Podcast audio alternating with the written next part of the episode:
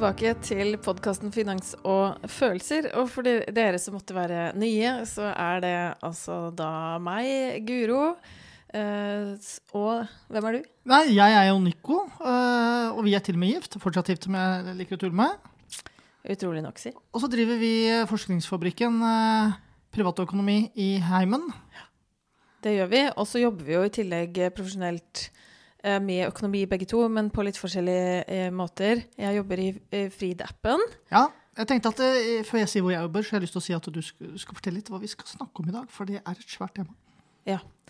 Eh, I dag skal vi snakke om eh, en veldig stor beslutning, nemlig hvor skal vi kjøpe bolig? Altså beliggenhet. Uh, og vi skal da innom forskjell på eie og leie, lang eller kort sikt, med eller uten barn. Altså Det er utrolig mange hensyn å ta her, ikke sant, Nico? Jeg trodde det bare var den her klisjeen av beliggenhet, beliggenhet, beliggenhet. Jeg. Ja, altså jeg har hørt den leksa der, men hva søren betyr det? ikke sant? Vi er forskjellige, har forskjellige behov og, ja, og forskjellige preferanser da, for hvor det er ålreit å bo. I hvert fall hvis man skal bo der sjøl. Ja, og så, da må vi kanskje innom om bolig er en investering. Og det skal vi også diskutere i løpet av sendingen. Ja. Ja. Men det er i hvert fall store, viktige beslutninger. Dette er jo uh, for de aller, aller fleste det dyreste kjøpet de gjør hele livet, ikke sant? Og det vanskeligste. Ja. Og, og, vi ser jo også at uh, tilgang, eller tilgang på boligmarkedet uh, er på en måte definerende for hele privatøkonomien. Ja.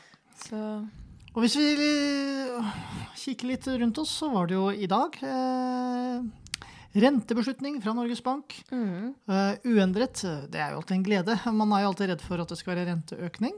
Spesielt for de som har lån eller skal ta på boliglån. De syns at eh, det er krevende. Og så kommer vi fra en historie med lav rente. Ikke oss, da, for vi bomma på fastrenteavtalen, men det kan vi snakke om en annen gang.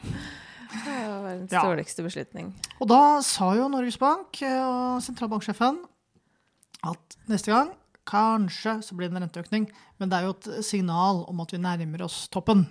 Og det er jo godt. Men kan vi egentlig vite det?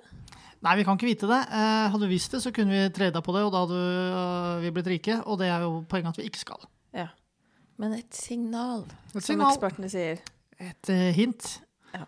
Så, så, sånn som man gjør i privatlivet, og sånn gjør man også i makroøkonomien blant de profesjonelle. Ja. Og for meg som er litt sånn Ja, vi får nå sten, da, tenker jeg, så, så, kan det være greit fortsatt, da, i hvert fall, å innstille seg på at det kommer mer renteøkning. Ja, og da, så er det sånn at det, det, ene er hva Norges Bank sier, men det andre er hva din bank gjør. Ja, nettopp. Og mm. det er jo ikke sikkert du har fått uh, tatt det innover deg forrige renteøkning. Og så tar det jo seks uker fra du får dette fra banken varsler til det skjer eh, på lommeboka di eller på, på mobilbanken. Så det korte svaret på det, hvis det var et spørsmål, det er jo at du må nok belage deg på at eh, boliglånsrenten skal ligge på rundt 4 Men Siden vi er innom det her, kan ikke du rett og slett forklare forholdet mellom styringsrenta og den renta hver av oss har i banken? Ja. Når banken din skal låne penger fordi at du har banka på døra og bedt om å låne penger, så har ikke de liggende 4,5 millioner som du trenger, inni hvelvet. De pengene går de ut i markedet og låner.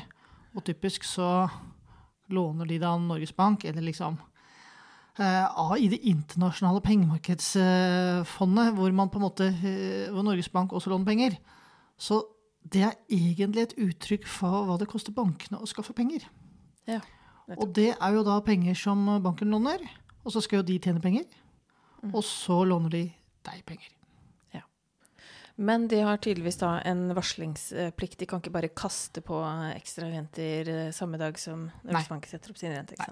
Nei. Så noen uker tar ja. Mm. Så det betyr at vi har litt tid til å omstille oss hvis ja. vi lever på ja. margin. Ja, og det har vi brukt eh, mange sendinger på å forklare at eh, i økonomien så er det en alltid ledig buffer.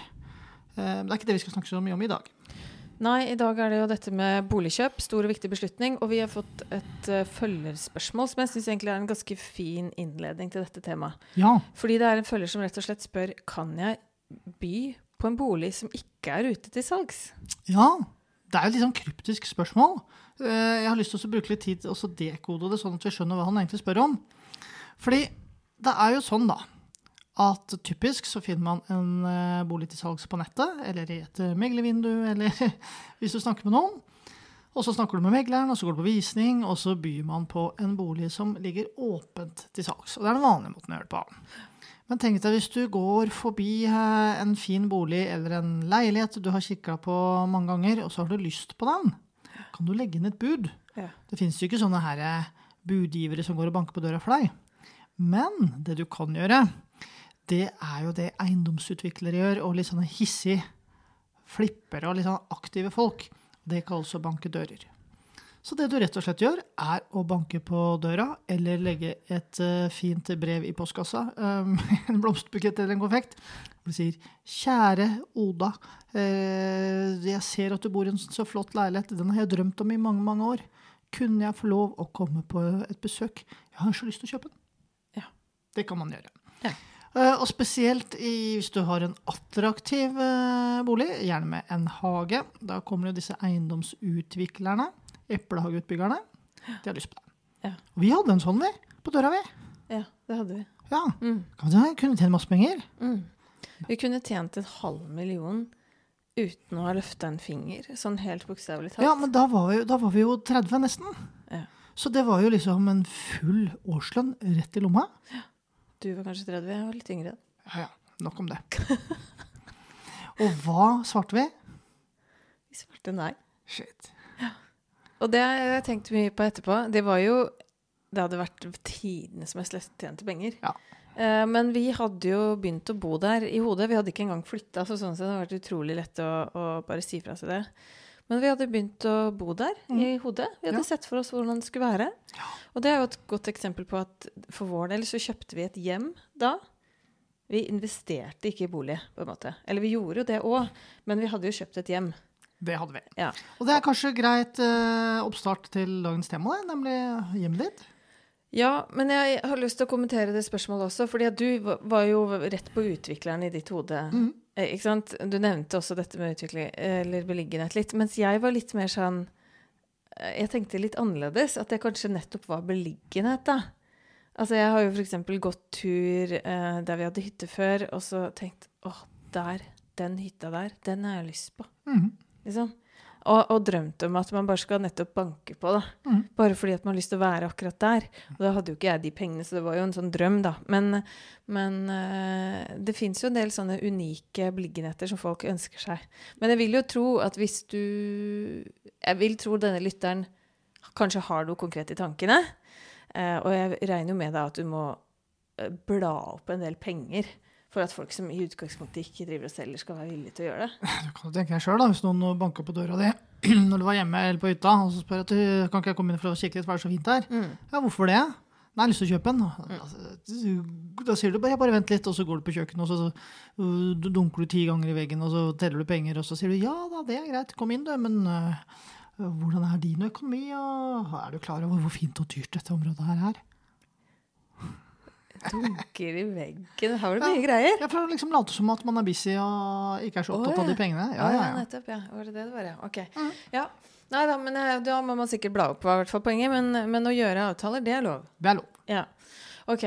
Men beliggenhet. Hvis vi begynner med uh, Som sagt, det er mange ulike perspektiv som skal inn her. Hvis vi begynner med det å kjøpe for å bo der sjøl. Eh, og så messa du beliggenhet, beliggenhet, beliggenhet, som jeg håper, føler at det er en sånn eiendomsmeglergreie. Jeg vet ikke. Men, men hva, hva skal man tenke på da? Beliggenhet. Ja. Men hva betyr det? Ja, ikke sant? Poenget er at det, beliggenhet er en Det er veldig, veldig viktig. Fordi du må jo bo et sted én, hvor du har råd til å bo. Det er jo da dyrere å bo sentralt, og så er det billigere å bo usentralt. Men samtidig så må du også ta hensyn til studiested hvis du er student, hvor venner og familie bor, og selvfølgelig arbeidsplassen. Fordi på et eller annet vis så må du fem ganger i uka, frem og tilbake, altså ti ganger i løpet av uka, reise til arbeidsplassen din. Mm. Og lang eh, arbeidsreise er en krevende øvelse. Det må spesielt inn når du vurderer beliggenhet. Ja, og der gikk du rett inn i noe som jeg er veldig opptatt av. For jeg, jeg tror en del glemmer det i sitt regnestykke. Eh, både når det gjelder penger, men også ikke minst tid. Jeg har hørt om folk som på en måte har blitt utbrent, rett og slett, fordi de har lagt opp til et for krevende pendlerliv. da. Eh, hvor du har barn som skal leveres ulike steder, to voksne hit og dit. Så man kanskje har to biler som koster kjempemye, må kjøre kjempetidlig, stå i kø. Eh, selvfølgelig, dette med Du må kjøpe der du har råd. det er selvfølgelig. Men hvis du har anledning, uh, så i hvert fall ta det med i regnestykket. Det er ikke det at liksom har, Vi bor, har valgt å bo midt i byen. Men jeg har full forståelse for at folk ønsker å bo landlig, eller i nærheten av flott natur, eller der de er oppvokst. Det er mange hensyn å ta, det. Men bare ta det med i beregninga. ja, og så har jeg lyst til å komme en kjepphest. Mm. Og det er at hvis du har lang reisevei, så bruker du også mye tid. Mm. Og hvis du har lang tid, så kan det også bety at du må skynde deg hjem for å rekke hjemmelogistikken, som det heter. Eh, hente i barnehage, være med på musikkorps, stille opp som fotballtrener. Alle de tingene der. Og det kan jo bety at du får jobbet mindre overtid. Eller gå ned i stillingen. Ja, men det er tapt arbeidsfortjeneste. Ja, klart det er det. Og det må du ta inn over deg at det kan bli dyrt i privatøkonomien din å bo billig. Og det er en veldig veldig krevende øvelse. Ja. Og så vil jeg nærmest repetere litt. Plutselig sender du opp med to biler, og det er dyrt. Bil har vi snakka mye om før, og to biler, det må man unngå. Ja. ja, det er kjempedyrt. Og så er det et annet fenomen som jeg fikk et eksempel på her om dagen, hvor det var et par som var litt sånn fortvila fordi de har kjøpt seg en bolig for en billig penge, eh, og der vil de bo. Men de trenger å oppgradere og bygge på den boligen. Eh, men de får ikke lån av banken, selv om de egentlig har ganske lite lån. Men banken vurderer det som en usikker investering da, pga. beliggenheten. Yes. Og, én en ting er at du sjøl har tenkt dette er verdens flotteste plass. Men banken tenker jo ikke på den måten. De vil sikre sine midler. Ja. At hvis det går gærent med deg, og boligen må selges, så får de igjen pengene sine. Og det var de tydeligvis ikke sikre på. da. Skal jeg fortelle en vits? Jeg har en kompis som jobber i Forsvaret, og da er jeg på et sånn grisgrendt strøk. Og der er det, kanskje de tjener litt godt da, i Forsvaret, så bygger de seg en ny, en ny, bolig. Og det har jo en del tekniske krav, og det er fortsatt dyrt å bygge bolig, enten man gjør det sentralt eller usentralt. Mm. Og så var vitsen da at nei, man betaler fem millioner for den, og så får du nøkkelen, så er den verdt tre og en halv. Ja. ikke sant? Ja, ikke sant? Og det, jeg ser noen ganger sånn boligannonser, ikke sant? så ser du Eh, liksom tyrollerhus med oppvarma oppkjørsel og badebasseng i kjelleren.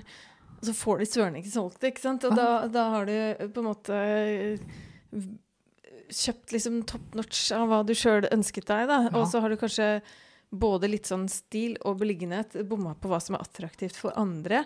Men ja, du, akkurat når du sier det, må jeg bare si at eh, jeg vokste opp på Kløfta.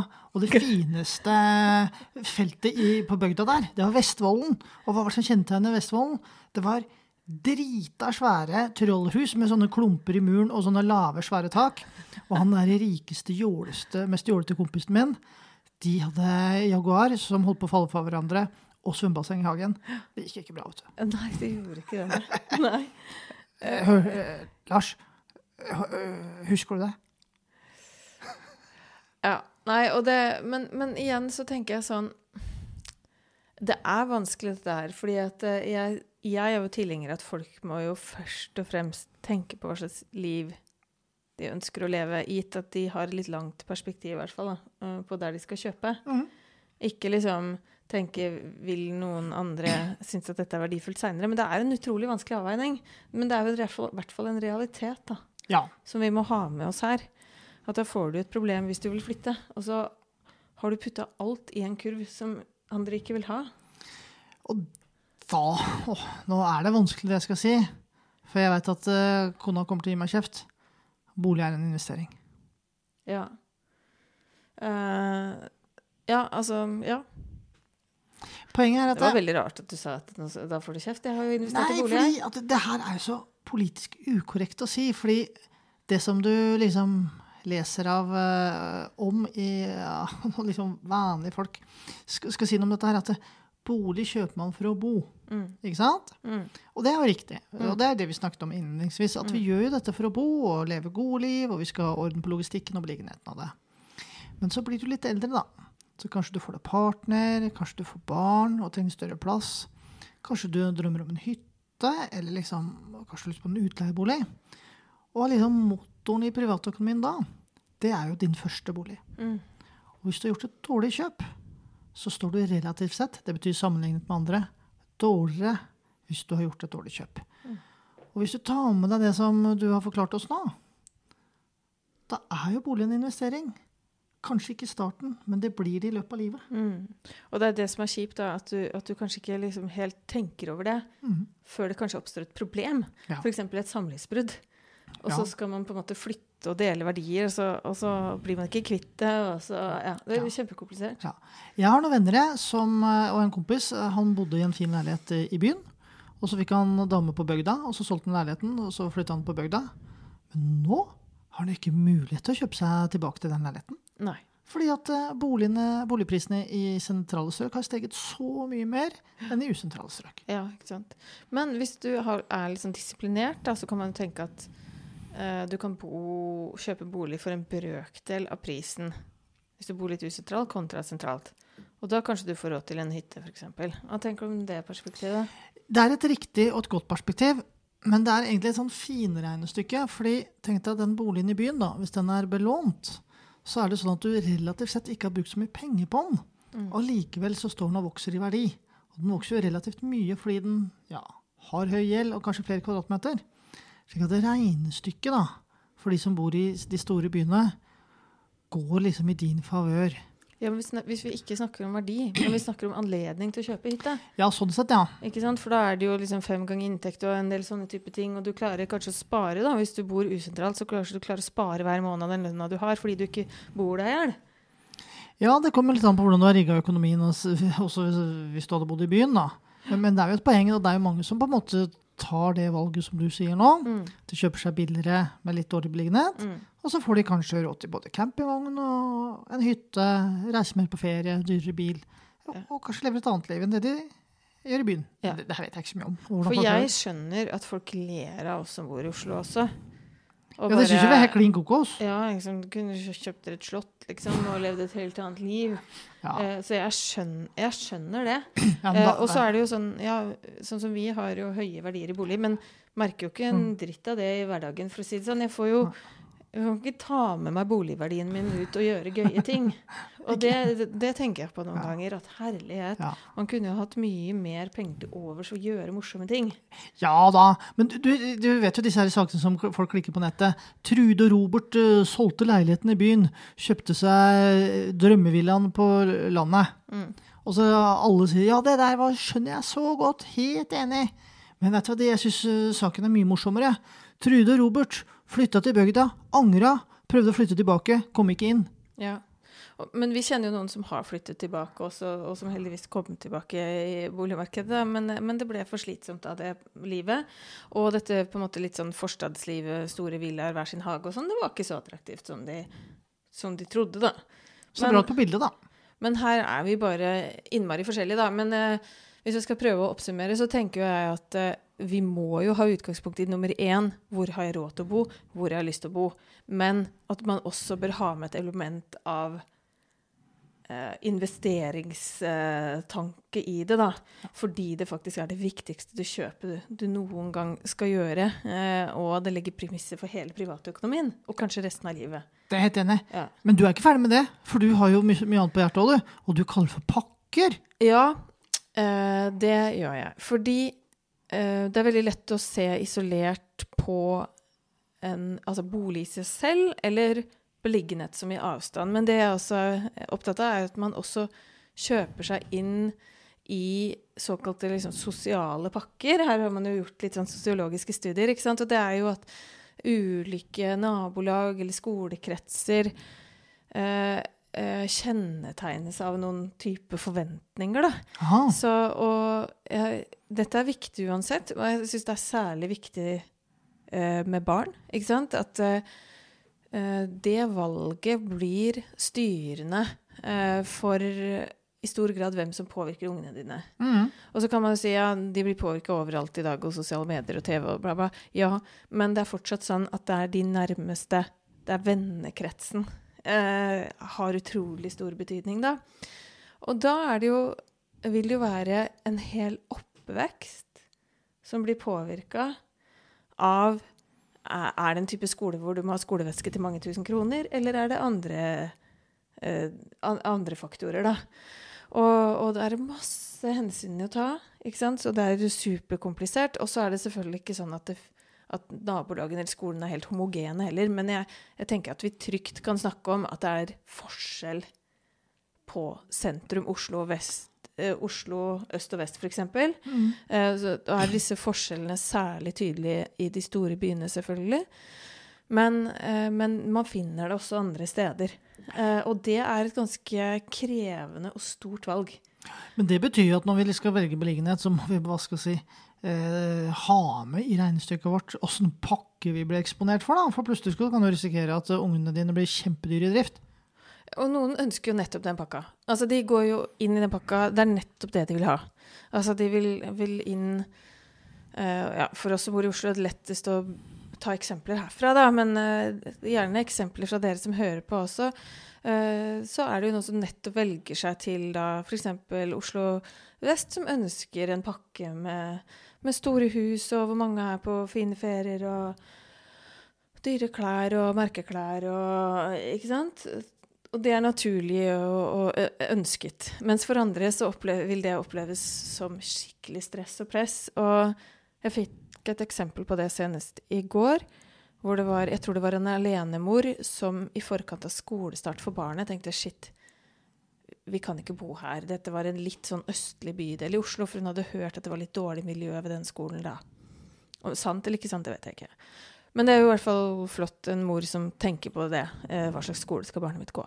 Og så flytta hun til en mer vestlig bydel i Oslo. Og hvor jeg da fikk kommentaren etterpå at det skulle hun aldri ha gjort. Fordi? Fordi, fordi de blir dem som har dårligst råd i ja. hele det nabolaget. Både så blir det dyrt å bo, og så blir det dyrt å leve og holde det maska, og så blir du en fattig familie. Da. Ja. Og her er det da to uh, ulike hensyn, og nå blir jo dette veldig sånn uh, forenkla her, da. Men sånn hva, hva liksom, La oss si da at du velger mellom på en måte et såkalt dårlig miljø eller et enormt kjøpepress som du ikke klarer å leve opp til. Ja. Herlighet. Det er, det er, det er kjempekrevende. Ja, for Alle sånne tettsteder har jo sånn her skilsmisseblokka og, og Fattigdalen. Veldig mange har veldig sånne synlige, uttalte ja, forskjeller Ja. På, på hvor man bor, da. Og ja. Og vi flytta jo til Sankthanshaugen for 17 år siden. Eh, og det har skjedd veldig mye på de åra her òg. Nå har det blitt en veldig dyr bydel. Eh, det er bra for våre eh, boligverdier, ikke sant? Ja. Eh, men jeg må jo innrømme at jeg har tenkt på det. Liksom, blir det mer og mer homogent tro? Hvilken vei går det? Hva slags type befolkningssammensetning blir vi sittende igjen med her? For vi tok jo et veldig aktivt og tydelig valg på at vi vil ha en miks. Ja. For her er det veldig, veldig eh, velstående folk og kjendiser og sånn. Og så, er det, så er det mange med svak økonomi, og så er det alle nasjonaliteter og alt imellom. Her, er- ja. Ja. Men, men jeg er spent på utviklingen, da. Men vi har jo tatt en livspakka hvor vi ser ganske shabby ut og kjører ræva bil, da. Ja, vi, vi står trygt i det. Men, men det er også interessant i forhold til det med voksne og barn. For jeg tenker at voksne kan stå i det ganske trygt hvis det er noe man har jobba med over tid og er en trygg del av identiteten sin. Men det er verre for barna. Ja, vet du hva? Jeg, jeg skal ikke si noe navn, eller sånt, men han guttungen han spiller på et fotballag. og Der hadde de snakket om uh, hva som skjer i nabolaget. Og da hadde de sagt at uh, faren hans han er god for 600 millioner. Tenk deg det! Så går de smågutta og snakker om sånt. Ja, Det er klart at det gjør noe med barn. ja det gjør det. Ja. Det Da, gjør det. Ja, nå har jo aksjekursen i det selskapet falt, heldigvis. da, så. Ja, nei, de snakker jo sammen, og de legger merke til ting, og, og Ja. Uh, så det Men, men eh, vi må i hvert fall huske på det at det er en sterk Vi påvirkes, vi voksne også. Og så sannsynligvis gjør barna det enda mer, da. Og så er det også folk da som uh, hva skal jeg si, velger feil pakke. Eller velger en pakke som skal fortelle hvem det er, selv om de ikke har råd til det. Ja. Hva er det for noe? Og det, det har vi jo sett hvor galt eh, det kan gå. ikke sant? Å prøve å opprettholde en standard som du ikke klarer. Jeg kjenner jo også en som eh, begikk underslag på, på jobben. Eh, fordi han var i et miljø eh, med veldig høye forventninger til fine reiser og fine middager og stadige oppussingsprosjekter og den type ting. Så han endte rett og slett med å stjele fra jobben sin. Uh, og, det, det, og det var en 100 uh, hva skal jeg si, i gåseøynene normal familiemann. Godt voksen, ikke sant? Ja. Så man kan jo spørre seg hva, hva søren er det dette med økonomi gjør med folk, da? Det er veldig komplisert. Ja. Det er derfor vi heter Finansfølelser, er ikke det, Guro? Jo. Det er kjempekomplisert. Ja, det er det. Og man kan jo tenke, liksom, rasjonalisere over det og altså, Er det mulig? Men, men hvis man går inn i hvilke drivkrefter som var rundt han, da Alle vennene hadde råd. Det ble en sånn greie at det er sånn vi møtes, det er det vi snakker om. Kona begynte å øke forventningene. Ja, han, han viklet seg inn i noen greier han ikke kom seg ut av. da. Jeg har ikke så lyst til å si navn, men eh, hos meg da, så har jeg hatt en del sånne high flyers. Folk som har vært eh, store på byen og liksom vært kule, da. Og drevet masse med eiendom og sånt, og så har det gått på en smell. Mm. Og så skal de liksom hente seg tilbake, og så får de det ikke til. Og så står de der liksom en sånn herre i feil pakke, men med halvlangt hår og, og ser kule ut. Mm. Men så er det ikke substans. Og det er vondt uh, for dem, fordi jeg presser jo de til å liksom At de må fortelle hva, hvordan det sånn dypest sett er. Mm. Og det er veldig, veldig sårt. fordi hvis du skal liksom være med i den pakka som noen velger, da, så er det forferdelig dyrt. Mm. Og da hjelper det liksom ikke å kunne de resonnementene og, og den analysen som vi hadde innledningsvis på beliggenhet og bolig er en investering og sånt, hvis det ikke er bærekraftig for deg sjøl. Mm.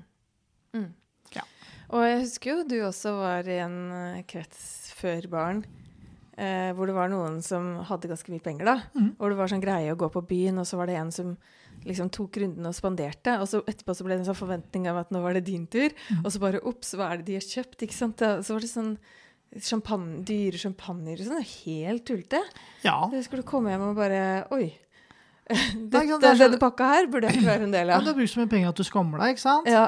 Uh, og så har ikke jeg en sånn kompetanse på sånne dyre greier. Så liksom drukket noe du egentlig ikke skjønte hva var, og hvorfor det kosta så mye heller. Ikke sant? Men, men det gjelder jo egentlig ganske mye når det gjelder oss, da. At du ikke har kompetanse. Nei, flaske, jeg hadde jo aldri greid å skille en flaske vin fra 150 til eh, 750. Nei. Nei. Nei, ikke sant. Nei, så det, det er i hvert fall noe mange har stått i på et, på et eller annet nivå. Da. At man liksom har kjent på de, de kreftene der. Og jeg har også hatt kontakt eh, Jeg samarbeidet i et prosjekt med noen i Blå Kors, og der eh, var, de, var de også en, en mamma da, som fortalte om at hun har vært i et miljø som på en måte hadde andre type eh, forventninger i pakka da, Mhm. enn det som passet for henne. Og hun måtte ta et ganske sånn ubehagelig oppgjør. Hun må rett, måtte rett og slett bytte vennekrets. Eh, langt på vei, da. Eh, litt sånn som man tenker i forhold til helt andre problemstillinger, som f.eks. rus. da, ikke sant? At noen ganger så må det sånn Det går ikke an å gjøre ting halvveis. Du må liksom bryte med miljøet, for det påvirker deg så mye. Og for henne så var det sånn for å få liksom fred, for å klare å være økonomisk trygg og slippe det evinnelige stresset og følelsen av å ikke være bra nok, eh, alltid ha dårlig samvittighet Alt liksom det tankekjøret som hun sto i. Så var det sånn hun måtte finne sin gjeng. Ja. Hvor de gjorde andre ting. Nå høres det ut som vi ikke snakker om bolig, men at vi snakker om eh, rusavhengighet. Men vi snakker faktisk om valget av hvor du skal bo, altså. Ja, det er pakkene. Ja. Uh, og, og det er jo selvfølgelig mange andre ting i nabolag som påvirker deg, men det er ganske sterkt, og særlig når man får eh, barn. Ja. Da er både foreldre og barn, opplever jeg, ganske sånn orientert rundt det som skjer i sin bydel eller i sin skolekrets, sitt nabolag. Ja. Jeg har sett noen flinke folk på LinkedIn og litt sånn det er sånne nabolagskjerringer som jeg liker, som skriver om uh, inkludering og sosialt sånn medborgerskap i forhold til idrettsforeninger og sånt, som også er en del av, av dette her. Det er kjempeviktig Ja. og kjempeinteressant. Eh, det er det. Så, så viktig at alle barn har råd til å Eller bli inkludert, da, uavhengig av økonomien. Mm. Men vi, beliggenhet, vi kommer jo ikke tilbake eller unna at vi må skal velge beliggenhet. mm. Men hvordan finner vi ut hvordan er det å bo der, og hvem er det som bor der? Mm. Liksom, Alle vet jo klisjeen om Montebello, men det er, det er jo mye mer sofistikert enn det. Ja. ja, det er jo et stort spørsmål. Det kommer jo an på om det er et område du kjenner eller ikke, da. Mhm. Eh, og noen ganger går det jo fort i svingene med budrunder og sånn. Men jeg, hvis jeg hadde vært på boligjakt, så, så ville jeg i hvert fall råde folk til å tenke ganske nøye gjennom liksom eget sånn verdisett, da, Ja. rett og slett. Og det er ikke noe man må ta i hurten og sturten i en budrunde som er litt sånn hektisk. Nei. Men liksom gå litt inn i det hvis du skal ut på boligmarkedet. Liksom bare, hva slags liv vil jeg leve? Hva slags uh, verdier er viktige for meg? Hvilke mennesker vil jeg omgås? Eh, og igjen, altså det er alle slags folk overalt, men det vil allikevel være store sånne forskjeller Ja. sånn, på sånn generelt Ja. nivå. da. Man kunne kanskje gått søndagstur i nærområdet og så talt antall sånne engelske setere. ja. ja. Og man kan jo snakke med folk. Man kan uh, sjekke ut skolen. Det er, de har kanskje en statistikk. Liksom. Det er mange ting man kan gjøre. Kanskje du kjenner noen som bor der. De fleste velger jo et sted å bo ut fra et eller annet liksom, kjennskap. da. Eh, Jeg skal ta litt faglig kort på det mot slutten. Ja. fordi at eh, Stort sett så er halvparten av de som flytter, de flytter ca. innenfor 500-1000 meter fra der de bor i dag. Man, ja, man flytter ofte i sitt nabolag, og det er ofte gjerne pga. jobb, barnehage og skolekrets. Skolekrets er den viktigste. Ja. Og så skjer de store skiftene. Skjer gjerne før skolestart, Ja, sånn at man kommer inn i den skolekretsen man ønsker. Ja. Og da er det sånn her at man må gjøre research, da, og istedenfor at man skal være kjapp og ivrig på boligkjøpet sitt, at man det sakte ja. være grundig. Ja, og det er det jeg tenker særlig det med barna. Så å tenke over det før eh, Ja. Hva slags pakke man da kjøper seg inn i. Ja. Men eh, hva med leie, utleie? Hvis, du vil kjøpe for å leie ut, for da er kanskje den beliggenhetsvurderinga litt annerledes. Ja, den er mye, mye sterkere, fordi at da må du tenke urbanitet. Og det betyr sentral beliggenhet i de store byene. Eh, gjerne ved nærheten av utesteder, ved nærheten av studiesteder, og tett opp til kollektivtransport. Ja. Så der er man mye, mye mer var. fordi med en gang du kjøper en utleiebolig med dårlig beliggenhet, så faller husleie dramatisk. Så der er det ganske nådeløst, altså. Men det kan vel være sånne på en måte mikromarkeder der òg? At det er f.eks. i nærheten av eh, et sykehus eller Ja. en høyskole eller et eller annet sånt, men som på en måte i, i, i seg selv egentlig ligger litt sånn usentralt? Jo, eh, det er helt riktig. Ja. Eh, La oss si sånn generelt store, attraktive arbeidsplasser. Ja. Ja. Det vil alltid finnes folk som trenger å leie bolig. Ja da. eh, Pendlere, folk som på en måte er i sin første jobb, noen som har lyst til å jobbe mye for å, å spare kostnader, som vil bo billig, etc. etc. Og selvfølgelig så er det en midlertidig arbeidskraft. da. Nå Follobanen er så dårlig eksempel, men som har bygd Follobanen, så så vi jo mye sånne korttids eh, utleie pengemaskiner som lå langs eh, disse store arbeidsstasjonene, hvor det var mange utenlandske arbeidstakere som på en måte Det er nesten som sånne her oljearbeidere, hvor de kommer til Norge og jobber grisemye lange skift. Eh, for godt betalt, relativt sett. Og så reiser de hjem eh, på turnusfri, og så kommer de tilbake og så bor de så billig de kan, og jobber så mye de kan. Ja, Ikke sant. Men med andre ord eh, eh, Dumt å, å se liksom på kvadratmeterpris eh, hvis du risikerer at boligen din blir stående tom. Ja, det er helt forferdelig. Og, og på samme måte kan man jo tenke i forhold til hytte også. ikke sant? Det Anledning til å leie ut kan jo være en inngang til et hyttemarked. Ja, ja. Og da må man jo tenke på hvor er det attraktivt Ja. og lett å leie, da. Ja. Mm. Vi skal snakke mer om hytte når, eh, hva skal jeg si, når sommeren kommer, nærmer seg. Mm. Bra. Eh, ja, hva sier du? Har vi på en måte vært innom det viktigste nå? tenker Jeg du, tenker at hvis du som hører på den her, har fått med deg halvparten, da har du, gått på vei. Eh, I hvert fall hvis du skjønner, skjønner halvparten. Da, da er vi fornøyde, og så kan gjerne høre på den en gang til. Uh, Del den til noen venner. Det liker vi. Ja.